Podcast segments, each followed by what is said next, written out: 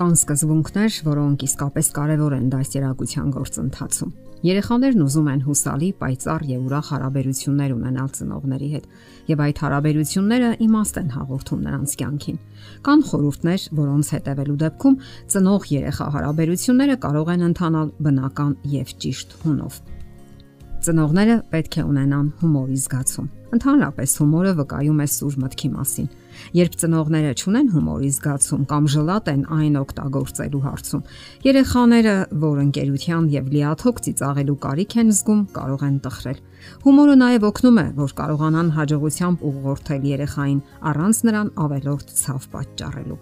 Մասնագետներն ասում են, որ բարի հումորի օգնությամբ հնարավոր է ճիշտ հավասարակշռություն պահպանել սիրո եւ կարգապահական սահմանումների միջև։ Հարկավոր է պարզապես նրբանակատ ու պայծառ հնչերանգով խնդրել, որ դեռահասը ինչ որ բան անի եւ նա կանի այն, ինչն իր ուժերի սահմաններում է։ Հումորի զգացումը լուրջ հակաթույն կլինի ծանր ու մռայլ խոսելավոճին կամ տոնին։ Երբեմն նրանք ձեր հումորը կհամարեն անցած հազարամյակի, սակայն երբ մեծանան կտեսնեն, որ դուք միանգամայն համապատասխանում եք ձեր դարաշրջանին։ Ծիծաղը բարյացակամության եւ ուրախության մտնոլորտ է ստեղծում տանը, իսկ դեռահասը պետք է կարողանա բավականություն ստանալ ընտանեկան կյանքից եւ հաճախակի ծիծաղի բոլորի հետ միասին։ Ասենք որ փոփոխությունները միշտ հնարավոր են։ Կյանքը ժամանակ առ ժամանակ փոփոխություններ է մտցնում մեր կյանքում։ Մենք պետք է պատրաստ լինենք դրանց։ Հարկավոր է դեռահասի հետ քննարկել նաև այն փոփոխությունները, որոնք տեղի են ունենում նրա տարիքում։ Դա կարող է լինել տան կանոնների հետ կապված փոփոխություն, կարող են լինել այն ճնշումները, որ հետագայում նա կսկսի զգալ դրսում։ Այդ տարիքում նա արդեն պետք է որոշ գիտելիքներ ունենա սեռական դասերակցության վերաբերյալ, չէ՞ որ այդ տարիքում փոփոխություններ են տեղի ունենում նրա օրգանիզմում եւ դուք պետք է կարողանաք բաց պահել շփման ուղիները, որpիսի շարունակեք նրա կրթությունը նաեւ այդ բնագավառում։ Շատ կարևոր է նաև դեռահասի շփումը ընտանիքի մյուս երեխաների հետ եւ նրանց փոխհմբռնումը։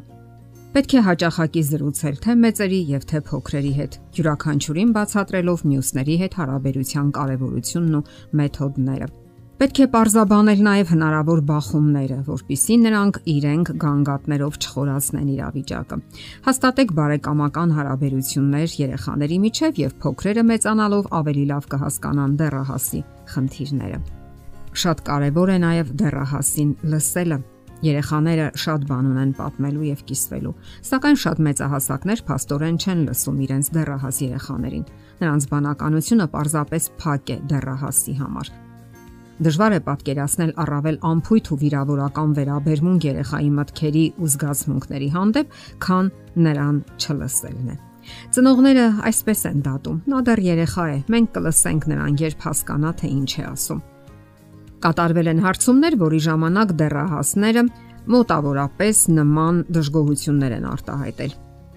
Երբ ես ինչ որ անձնական հարցով դիմում եմ ծնողներիս, մայրիկն ուղակի սարսափահար է լինում իմ հարցից եւ հրամայում, որ գլխիցս դուրս շպրտեմ այդ հիմարությունը։ Իսկ երբ հայրիկին եմ դիմում, նա մեկ ժամանոց դասախոսություն է կարդում։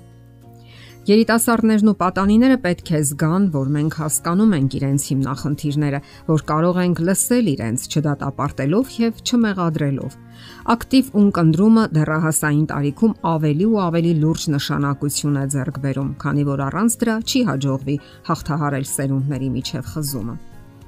Հաջորդ կարևոր պահը Երեխաներն իրենք սիրառատ են եւ նույնը պահանջում են հարազատներից, առավել եւս ծնողներից։ Իսկ ուրիշ ով, եթե ոչ ծնողները պետք է ապահովեն այդքան կարևոր սերը։ Տվեք նրանց ձեր սերը, ընդունեք նրանց։ Դա կարևոր է բոլոր տարիքներում։ Չկա այնպիսի տարիք, որ մարդը սիրո կարիք չզգա իսկ սիրված լինելու զգացումը պահպանվելու է նրա ողջ կյանքում եւ օգնելու է, որ նա հաղթահարի կենսական բոլոր դժվարությունները։ Հարցն այն է, որ երբ մարդը սիրում է եւ սիրվում, դա ուժ ու երանգ է հաղորդում նրա բոլոր գործողություններին։ Երեխաները նաև անվտանգ հարաբերությունների կարիք ունեն, որոնք չեն փոխվում հանգամանքների հետ միասին։ Երեխան պետք է զգա, որ անգամ թյուրըմբռնողության եւ տարաձայնությունների դեպքում իր փոխհարաբերությունը ծնողների հետ երբեք չի ընդհատվի։ Իսկ անվտանգության զգացումը նշանակում է, որ հայրն ու մայրը պատրաստ են մասնակցելու երեխայի կյանքին եւ հասունացման գործընթացին, աստիճանաբար դուրս թողնելով նրան դեպի հետս հետ է ընթարցակվող շրջակա աշխարհը։ որը մեծանում է նրանց մեծանալուն զուգընթաց։ Դուք պետք է քնքուշ լինեք երեխայի հանդեպ, երբ նա կապտուկներ ու քերծվածքներ է վաստակում, որpիսի երբ մեծանա, չամաչի ծնողի փաղաքշանքներից եւ չմղվի վաղաժամ սեռական շփումների, որpիսի փոխհատուցի այն, ինչի կարիքը նա այնքան ուներ մանուկ ժամանակ։ Ծնողները պետք է նաև ընդունեն իրենց սխալները Հասուն անznավորության համար սա միանգամայն բնականon է, եւ ծնողի օրինակը կարող է երեխային սովորեցնել, որ սխալներ հնարավոր են կյանքում, եւ դրանք հասկանալն ու դրանցից ազատագրվելը միանգամայն իրական է ու նաեւ բնական։ Եթե ծնողն ինքը ընդունակ է ժպիտով ընդունելու սեփական սխալներն ու թերությունները, դա հիանալի օրինակ կլինի երեխայի համար եւ կօգնի հաջողությամբ հաղթահարելու ցանկացած դժվարություն։ Երեխային սովորեցրեք ժպիտով վերաբերվել անհաջողություններին Իսկ դուք ինքներդ փորձեք չքննադատել ձեզ, բառապաշարից վերացնելով այս օրինակ արտահայտությունները։ Ինչ ցախորդ մարդ եմ ես։ Ես ամեն ինչ սխալ եմ անում։ Դե ինչ, եթե կարողանաք կյանքում կիրառել այս կարևոր սկզբունքները, իսկապես շատ անախորժություններից կազատվեք, նաև հիանալի փոխհարաբերություններ կունենաք ձեր դեռահասի հետ։ Եթերում ընտանիք հաղորդաշարներ։ Ձեզ հետ է Գեղեցիկ Մարտիրոսյանը։ Հարցերի եւ առաջարկությունների համար զանգահարել 033 87 87 87 հեռախոսահամարով։